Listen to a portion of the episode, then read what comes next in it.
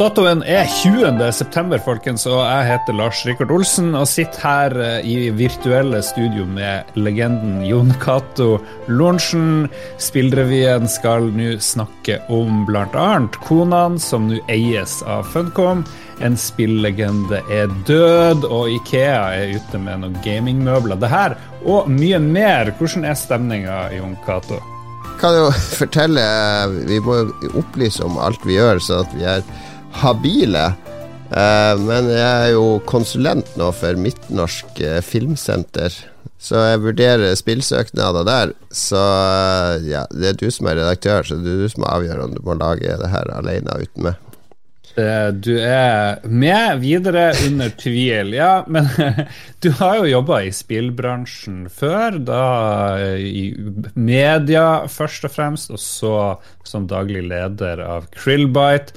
Så gikk du av, og så har du nå tatt et ekstra oppdrag ved siden av eh, kommunejobben din, kommunepampjobben din. Ja, jeg har fått lov å ha et sånt bierverv, og det er det eneste omtrent jeg ikke har gjort i spillbransjen, er jo faktisk å jobbe i det eh, støtteapparatet, altså Hva du skal gjøre der? Nei, de kan søke støtte om spill, og så må noen vurdere søknadene. Og det er jo jeg da som vurderer om mm. det er realistisk, og ser på budsjettet og gjennomføringsevne og sånne ting gir tilbakemeldinger på søknader og godkjenner eller avviser eller jeg, jeg, jeg, gir en anbefaling om den skal godkjennes eller avvises. Du vil jo bli inhabil hvis vi skal snakke om Midtnorsk Filmsenter, eller hva det heter. Trønderspill. Trønderspill, og det har vi aldri tidligere omtalt. Og, jo, vi har det. Dwarfheim er jo fra Trøndelag, så det ja, ok. Jo, jo. Ja, det, det, er mulig at vi må styre unna noe, men jeg tror det der. skal... men altså, jeg min, eh, altså, min, filosofi har alltid vært å spille med åpne kort, så det har jeg alltid gjort for alle redaktører og folk som hører på whatever. Sånn at uh, ja, jeg, jeg, føler at jeg er etterrettelig, men uh, vi, får, vi, får, se. Vi får se om det dukker opp store konflikter der jeg skal vri enhver diskusjon til å handle om trønderbart og, og heimbrent og skinnvester og ja. Følg med, Rosenborg. Folk, ja. Jeg begynte å heie på Rosenborg, Lars. Jeg har sagt det òg. Ja. Ja. Nei, det blir eh, Denne sendinga her er sponsa av Rosenborg. Vi, vi, skal snakke om det vi mener er det viktigste og mest spennende som skjedde i spillbransjen i forrige uke. Og vi begynner med at Konan nå eies av Funcom. Før så kalte vi Funcom et norsk selskap. Nå er det vel litt eh, tvilsomt om uh, hvilken uh, nasjonalitet som dominerer. De blir jo kjøpt opp av kinesiske Tencent. Men i alle fall, Funcom har nå kjøpt Cabinet Group og Heroic Signature, som er selskaper som eier og forvalter merkevarer dokumentarer som Conan og Solomon Kane. Og det er jo da forfatteren Robert E. Howard som står bak begge de her to universene, hvis man skal kunne kalle det. Og andre merkevarer Funcom nå er, er de svenske rollespillene Mutant Year Zero og Kult. Hva betyr det her for Funcom? Den, altså Funcom har jo jobba med Konan i veldig mange år, helt siden Age of Konan, så de har jo hatt et godt samarbeid med de som har Konan-lisensen. Eh, men når de nå eier lisensen, så står de vel egentlig relativt fritt til å gjøre hva de vil med den. Så det signalet det her sender meg, er jo i hvert fall at uh, de, vil, de nå har sånn IP-fundament å bygge spill på. Altså, dette er merkevarer så de kan løfte opp og frem i spillform, og kanskje også i transmediale former. Er det ikke sånn at uh, de her uh, copyrightene Nå bare snakker jeg uten å vite noe om det, men etter et x antall år så skal det jo være mulig å gjøre hva du vil med Dracula eller uh, konene, skulle man tro det går en 50-60-70, jeg vet ikke. Det er noen år. Men så finnes det vel unntak òg. Du kan vel ikke gjøre hva du vil med Mickey Mouse osv. Som veldig mye annet så er det jo sånn at uh, man tjener mye penger på å ha disse rettighetene. Og der det opprinnelig var kanskje 15 år etter en forfatters død, eller noe sånt, så har uh, disse Hva heter det? Det er sånne der, uh, selskaper som ivaretar uh, rettighetene. De har uh, klart å lobbye så at dette har blitt økt til 30 år, så har det blitt økt til 45 år, osv. Elvis sin musikk skulle egentlig vært tilgjengelig på 80-tallet, eller 90-tallet, for alle, ikke sant? Men alt det her Det blir bare forlenga og forlenga og forlenga, så jeg tror aldri ting kommer til å bli helt fritt. mm. så lenge det er folk som sitter og tjener penger på det. Jeg ser nå at uh, bak det her Cabinet Entertainment, som nå uh, Funcom har kjøpt, uh, de her rettighetene fra De er kontrollert av en som heter Fredrik Malmberg, og det er en lang sak på Wikipedia om copyright og trademark disputes rundt konene. Så det kan jo hende det blir sånn flere nyheter å fortelle fra akkurat yeah. det her senere. Vi skal over til England, fordi sir Clive Marles Sinclair døde 16.9., 81 år gammel. Sinclair er mest kjent i spillbransjen for å stå bak ZX Spektrum, den britiske hjemmedatamaskinen som konkurrerte med Acorn, Commodore og andre store selskaper. Og hvis du er en spillentusiast og drev og vokste opp på 80-tallet, så tror jeg du har hørt om uh, sir Clive Sinclair. Hvem var han fyren der? Han var sånn eh, engelsk eh, pioner, ingeniør. Lagde en av de første sånn flate lommekalkulatorene i, i England på starten av 70-tallet. Så opptatt av elektronikk og alt mulig sånn. Og på slutten av 70-tallet, starten av 80-tallet, når hjemmedatamaskinene begynte å komme, og BBC blant annet skulle ha liksom en sånn offisiell BBC-hjemmedatamaskin, så var han inne og pitcha sin Lagde en datamaskin og pitcha den uh, til de. De gikk for Acorn, så han vant ikke det. Men han vant hjertene til mange konsumenter, fordi datamaskiner på denne tida kosta jo gjerne 6000 5000, 6000, 7000 kroner. Og han hadde en filosofi om at det må da gå an å lage en datamaskin som koster under 1000 kroner. Altså hele Spektrum-konseptet, eller ZX81 og de maskinene, var jo at du skulle lage en datamaskin for folket, så de kunne ha råd til å bruke Uh, og den ble jo omfavna av veldig mange i, uh, i mm. England. Den ble, den ble, ikke så stor uten uh, her i Norge. Der var det Commodore som dominerte. Men i England var liksom Spektrum og Commodore 64 likestilt. Ja, Den ser jo litt billig ut òg. Den skulle være billig, og den så vel Ja, billig. og har et forferdelig gummitastatur. Du har spart penger på alt du kan, ikke sant? Men så har den, det har litt kult design. Det har litt sånn der uh, Doctor Who-aktig retrofuturistisk uh, design. Altså har den, den, er litt enklere enn Commodore 64. Det er mye ensfarga spill, altså monokrone sprites og bakgrunner og sånne ting. Jeg hadde ikke like sterke grafiske egenskaper. Mye dårligere lydskip. Det finnes jo ingen ZX Spektrum-musikk som folk uh, husker, mens SID-musikk fra Commodore 64 elsker jo folk den dag i dag. Så mm. den, den var liksom sparsommelig på mye. Men det var veldig veldig mange programmerere som begynte, eller som lærte seg Spektrum først, og som, som etter hvert jobba med alt fra PlayStation til, til uh, å lage spill på PC osv. Og så tenk, går tankene mine til f.eks. de her Raspberry Pi, som du kan kjøpe i dag for utrolig billig penger. Et sånn lite sånn uh, kort hvor du kan putte inn alt du vil. Uh, det er en liten minidatamaskin, bare kjempe, kjempebillig, og så kan du utvide den og ordne og leke med den og styre. og Det er vel litt sånn i ånden, på et vis, til det her ZX Spektrum som du snakker om, at det, skal, det her skal være tilgjengelig for alle. Ja, det var det han vant med, fordi Commodore, ikke sant, det var jo Commodore Business Machines. Uh, og alt det der. Mens uh, altså, det var en sånn business uh, pitch på veldig mye av datamaskiner og sånn. og, og man skulle liksom ikke anerkjenne at de kunne brukes til spill, eller mm. eh, fokuset var på sånne tunge forretningsting. Mens Spektrum, det var liksom Her er folkets datamaskin. Her, eh, her, vær så god, lag spill og gjør hva du vil.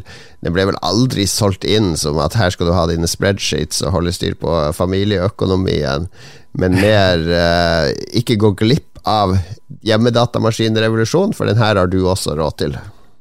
Vi har nevnt uh, Raspberry Pi. Uh, Fins det noe mer arv uh, som sir Clive Sinclair etterlater seg i dag? Han drev og lagde biler, jeg vet ikke, han gjorde mye Ja, han var med på alt mulig av sånne fremtidsprosjekter som hadde med forbrukerelektronikk og sånt å gjøre, men det var vel ingenting som, som ble like stort som Spektrum, så det er det han blir huska for.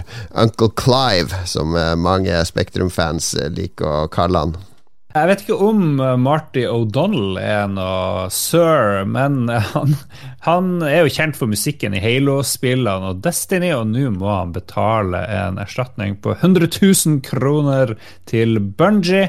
O'Donnell fikk sparken i Bungie i 2014 og ble også beordra til å levere tilbake alt han jobba med på den tida, altså musikk og det han måtte, måtte ha produsert mens han jobba der. Men i 2019 så begynte han å laste opp melodier og det han gjorde på den tida, til sosiale medier. Bungie gikk til sak fordi de mente han ikke hadde lov til å gjøre det her, og det har retten vært enig i. Marty O'Donnell, fantastisk musikk. Eh, mm. Den dag i dag kan vi jo sitte og, høre på det og like det hvis vi spiller Destiny. Hva det var som skjedde med, med han og Bungie? Det er en uh, lang historie med mange parter, og, og, inkludert parter som ikke vil si noe om det. Men det som, mitt inntrykk er at det som skjedde, er jo at O'Donald var en del av kjerneteamet til Bungie, altså fra de var en kameratgjeng. Altså i takt med at de har vokst og profesjonalisert seg og hadde et partnerskap med Activision så ble det litt sprik i uh, meninger. Altså tror jeg Ut fra hva jeg har lest, så tror jeg kanskje O'Donnell var litt arrogant på denne tida. Um, ja. det var, når de holdt på med Destiny Bungie, så uh, de var uh, lå etter på veldig mye. De klarte ikke interne frister på å ha ting klart, og i forkant av etere i 2013, var det vel, så eh, de hadde ikke klart trailer, de hadde ikke klart ditt og datt, så Activision lagde da en eh, Destiny-trailer eh, og la på egen musikk og alt mulig sånn. Og det tror jeg fikk O'Donnell til å klikke i vinkel. I og med at Activision finansierte det, så mente de dere har ikke levert, vi, vi er nødt til å vise noe, så vi, vi tar saken i egne hender. Mm. Og han, han tweeta vel også at det, det, den traileren du ser her, har ingenting med Det er ikke Bungie som har laga og sånn. Litt sånn der du, Du skal være litt forsiktig på sosiale medier av og til når du sitter i ledergruppe i et selskap som har en milliardavtale med, med en stor utgiv, utgiver. Og det var vel ja. egentlig startskuddet på at han forlot, eh, eller ble, ble, fikk sparken i Bungie han, han føyde seg ikke etter den nye linja som ledergruppa i Bungie la seg på opp mot Activision. Eh, det ryktes jo også altså Internt i Bungie så snakka de også ofte om Marty O'Donnell som satt i sitt Ivory Tower. Eh, det var studioet hans. Han hadde et av de største studioene i spillbransjen. Jeg tror jeg leste at han hadde ni lydstudioer i Bungie sitt uh, uh, hovedkvarter. Og det, i, som en del av den oppsigelsen, så er det jo også sånn at i kontrakten med Bungie Dette er ganske vanlig i mange selskaper. Alt du lager on company time, tilhører jo selskapet. Ja. Så, så, om du er komponist og har sittet i studioet ditt i, i spillselskapet, så er det ikke dine verker, det er selskapet sine. Ja. Kan jo ta med at uh, jeg leser her uh, on the webs at i 2015 så starta han sitt eget studio, Highwire Games. Og han lagde noen soundtracks til noe spill, men han har forsvunnet ganske sånn Skal lage soundtrack til et PlayStation VR-spill, det er jo ganske langt steg ned fra å jobbe på en av verdens største skytespillfranchiser. Jeg tror ikke det gikk så bra. Jeg, vet, jeg, jeg, jeg, kan ikke huske at det spillet kom ut i det hele tatt. Uh, Uh, og nå nylig Det virker som det går ganske dårlig med han, dessverre. I juni så tweeta han jo ba folk om å kjøpe soundtracket til det der VR-spillet, så han kunne få hjelp til å betale alle sine legal fees. Uh, og hvis du ser på Twitteren hans, så er det basically sånn der eh, mimring tilbake til Halo og sånne ting. Som er Det er ganske sørgelig, da. En eh, domstol i USA har slått fast at eh, Apple ikke lenger kan nekte spillutviklere og andre apputviklere i å benytte seg av egne betalingstjenester. Retten sier at Apple har 90 dager på seg til å la apputviklerne sjøl bestemme om de vil sende personer til alternative betalingsløsninger. Og akkurat denne dommen her gjelder USA. Og den vil sikkert bli anka, men eh, hvis det nå fortsetter sånn her, vil det, vil det ha noe å si for norske spillutviklere, f.eks.? Kan de omgå de her 30% og den her appstoren til Apple? Um, det er ikke en veldig stor sånn tap for uh, Apple, egentlig, men det er en start på kanskje en sånn større Altså Det er sånn startskudd for hvilke rettigheter skal du som uh, hva skal jeg si, uh, utgiver ha på digitale markedsplasser. Uh, fordi det, de har jo 100% vært styrt av de som eier de digitale markedsplassene, og du må danse etter deres pipe, og du har sånn som Epic nå, og, og deres spillmotor Unreal, som nå stenges ute. Altså Apple nekter alt som har med det å gjøre, inn i AppStore. Det, det er ganske drøyt at én aktør skal ha så mye makt, som har monopol på en markedsplass, ikke sant. Mm. Så dette er startskuddet, tror mange, på en lengre prosess med å eh, grave eh, opp disse markedsplassene som egentlig har vært lukka systemer, men å begynne å åpne de opp, er det mange håper. Ja. New Yorker har en sak som går veldig inn i det her, og de mener da at dette vil få store påvirkninger for brukere og utviklere, eh, siden nå Apple visstnok må åpne deg for andre måter å betale. Det er første gang Apple på en måte må føye seg litt etter uh, å gjøre noen endringer. Og da, tror eller håper mange at det blir starten på at man får mer innflytelse på hvordan digitale ja. markedsplasser skal ha lov til å operere. Ikea har annonsert at de vil lansere en rekke gamingrommøbler laga i samarbeid med Republic of Gamers, og det er snakk om 30 ulike produkter. Eller mer enn 30 ulike produkter, inkludert stoler, skrivebord, skuffeseksjoner, ringlys og selvfølgelig koppholdere, det må vi ha med, nakkestøtte osv. Produktene er fordelt på seks uh, ulike kategorier med lekre svenske navn som Uppspel Låne spillere, matchspill, gruppespill, utespillere og hovedspillere. Skulle ønske de hadde fant litt kulere navn der, altså. Det må jeg nå si. Hva du, hva du tenker om det her? Det skal være sånne litt trauste svenske navn på alle Ikea-produkter. Det er det vi er vant til. Hvor, hvor big news er det at Ikea begynner med gamingmøbler? Det, er, det var vel uunngåelig, egentlig, for jeg, jeg, går jo ut fra at eh, Ikea sin ganske smarte uh, markedsanalyse- og forretningsutviklingsavdeling har observert ja, i større grad at når uh, foreldre til gaminginteressert ungdom skal ut og kjøpe kontorstol eller pult eller skrivebord til å gjøre lekser på, så har uh, den unge herremannen eller unge jenta uh, som er spilleinteressert, sagt at de vil ha en gamingstol, og da må du dra på Elkjøp eller Komplett eller Ekspert for å få de gode gamingstolene. Uh, jeg også har jo slitt med å finne et skrivebord som er stort nok til mitt enorme gamingbehov. de Ikea-skrivebord har ofte vært ikke for, mm. for, det har vært for kronglete til å bruke til gaming, for smale eller andre ting. Sånn at De har jo sett at de, har gått, de er i ferd med å gå glipp av et stort marked her. For både voksne, sånn som meg og deg, og, og ungdom, vil jo i stor grad tilrettelegge for at de kan ha spillmaskinen sin, eller eh, PC-en sin, eller noe sånt. Og at mm. det fungerer til gaming. Og samtidig kanskje vi kan slippe den der estetikken med RGB-lys og og den der fjortis-testosteronestetikken. Uh, Hvis Ikea klarer å finne en sånn balanse mellom funksjonelt og litt elegant, og, og samtidig at dette er tydelig forankra i gaming, så, så er det kjempebra.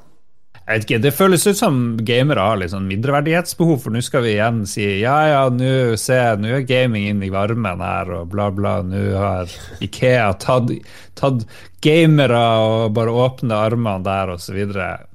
Har vi ikke kommet forbi det? Er ikke gaming mainstream for lenge siden? Kan vi slutte å snakke om at ja, dette betyr nå er virkelig gaming akseptert? Det er jo Gaming er jo mainstream, men det er jo ikke jo mer gaming er til stede på ulike arenaer der folk som ikke har noe forhold til gaming, oppholder seg, jo mer uh, blir det akseptert. Så når du nå når, når din uh, Ja, du har ikke noe Ikea i Harstad, så jeg kan ikke sammenligne det, men, men når din bror i Sverige skal ut på Ikea med sin fru og sine barn, mm. og så går det gjennom hele Ikea, den vanlige, tradisjonelle familie-walk of death gjennom Ikea for å se på alt mulig, så går du gjennom kjøkkenseksjon, soveromsseksjon, så kommer du til kontorseksjon, og der er det nå plutselig halve kontorseksjonen er gaming eh, kontor-gamingrom, så er det sånn eh, Kommer hans fru, som ikke er spelinteressert, hun kommer til å si jaha, nå, nå har spill blitt så stort at Ikea faktisk har egen seksjon, avdeling, for gamingutstyr. Mm. Det må du innrømme, det er riktig. Ja da. Jo da, det er viktig. det er viktig Men jeg håper nå skal vi sette strek. Når Ikea har gamingavdeling, da er gaming mainstream. Ja, det, vi skal ikke sette strek før eh, alle gamlehjem har egne gamingrom.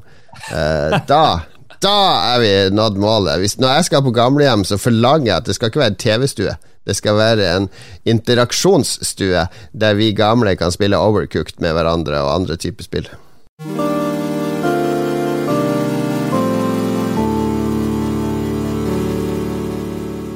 Vi går videre til ukas lanseringer, og her er det to, fire, fem spill som du syns folk skal kikke nærmere på. Ja, Det er du som har laga lista denne gangen, så da er du bare helt ukritisk tatt, tatt med alt som kommer, omtrent. Men ja. vi kan spole fort gjennom. 21.9 kommer Kina Bridge of Spirits til uh, PlayStation 5 og 4, kanskje?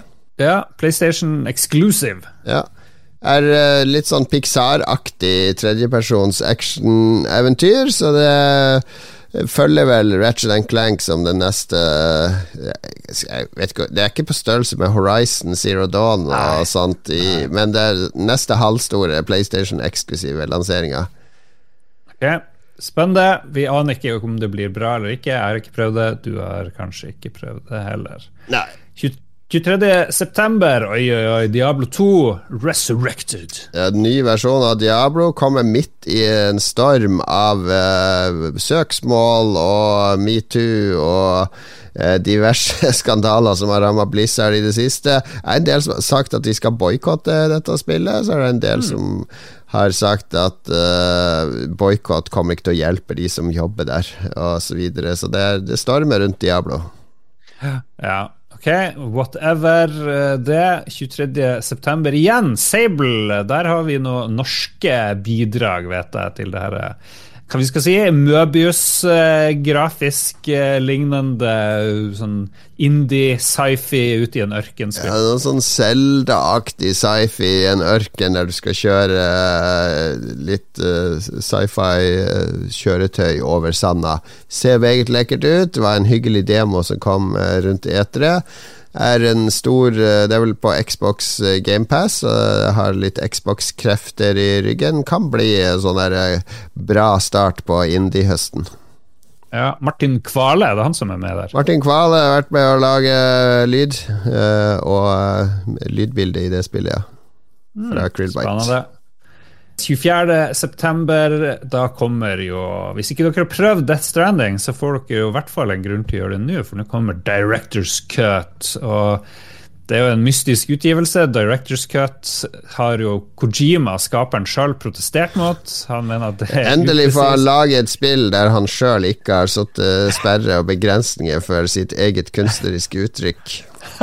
det er litt humoristisk. Hvis det er noen regissører av spill som får gjøre det de vil, så er det Kojima som lagde Death Stranding i sitt helt egne selskap. Ja, ja. Nå kommer Directors Cut, masse ekstra ting, nye måter å bevege seg på. Det er jo en sånn budbringersimulator, egentlig, med veldig rar historie veldig eh, relevant til covid og en, en, sosial lockdown og sånne ting. Og det var litt forut for sin tid da det kom, eh, for det var mm. egentlig en profesi om eh, hvordan vi skulle ha det de neste to årene, som var uncanny å spille da og reflektere over det da, og det vil jeg si det fortsatt er. Så hvis du ikke har prøvd det, så må du absolutt prøve det. Og så trenger vel Kojima litt mer penger til det neste prosjektet sitt, så det, det er nok hovedgrunnen til at dette kommer. Kojima skal ha flere posters av Mats Mikkelsen hjemme, så gi han penger. Ja, gi, Kojima får alltid pengene mine. 24.9. Det siste spillet vi skal nevne, Lost Judgment, som jeg trodde het Yakuza Lost Judgment, men det gjør det jo ikke. Nei, det er en spin-off fra Yakuza-serien, den japanske serien med Toshiro Nagushi i hovedsetet. I Lost Judgment-spillene er en forløper til det her spillet, som du egentlig ikke trenger å spille for å ha spilt det her. Der, eh, der, er du i stedet for å være mafioso, altså en medlem av Yakuzaen, så er du en eh, advokat slash detektiv som også liker å banke opp eh, folk på gata og mm. skolebarn. Just det. Det foregår på en high school, det hele spillet.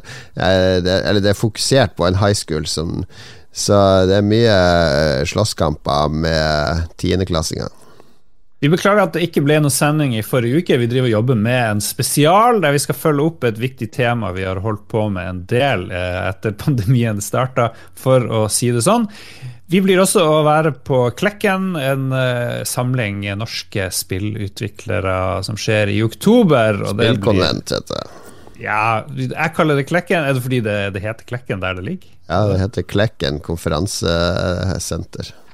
Overlook Hotel det ser veldig ut som en sånn hjemsøkt greie. Men uansett, der skal norsk spillbransje samles. Vi skal være der og gjøre ting. Vi Forhåpentligvis får vi litt sånn prat med noen eh, utviklere, folk i bransjen og sånn, som vi kan Jeg tenker vi, vi, bygger oss eh, Det er jo sånn labyrint, vet du. Du har vært der. Sånn labyrint av rom og møterom og sosiale rom der. Jeg tenker vi finner det innerste av de innerste rommene, så rigger vi oss opp og lager hemmelig nattklubb eh, oh. der for de spillutviklere som klarer å finne den. Det er eksklusiv shit. Vi samarbeider med Pressfire når vi lager denne podkasten. Besøk dem, pressfire.no. Du kan også støtte dem på Patrion. Det kan du gjøre med Spillrevyen i tillegg. Da må du gi pengene dine til Lolbua, som er sånn, moderpodkasten for veldig mange nye podkaster i Norge. Er det noe vi har glemt å si? Uh. Nei, jeg har, eneste jeg har å melde, er at uh, Ikke lov å le på hytta sesong to har jeg sett nå. Jeg savner Documental. Ja. Det får være rådet. Bruker å komme et råd fra Jon Cato hver uke. Se japanske originalen til Ikke lov å le på hytta. Høres det ut som en fin ting å gjøre? Ja, det får deg til å le i høst. Do it. Ha det bra. Hei då.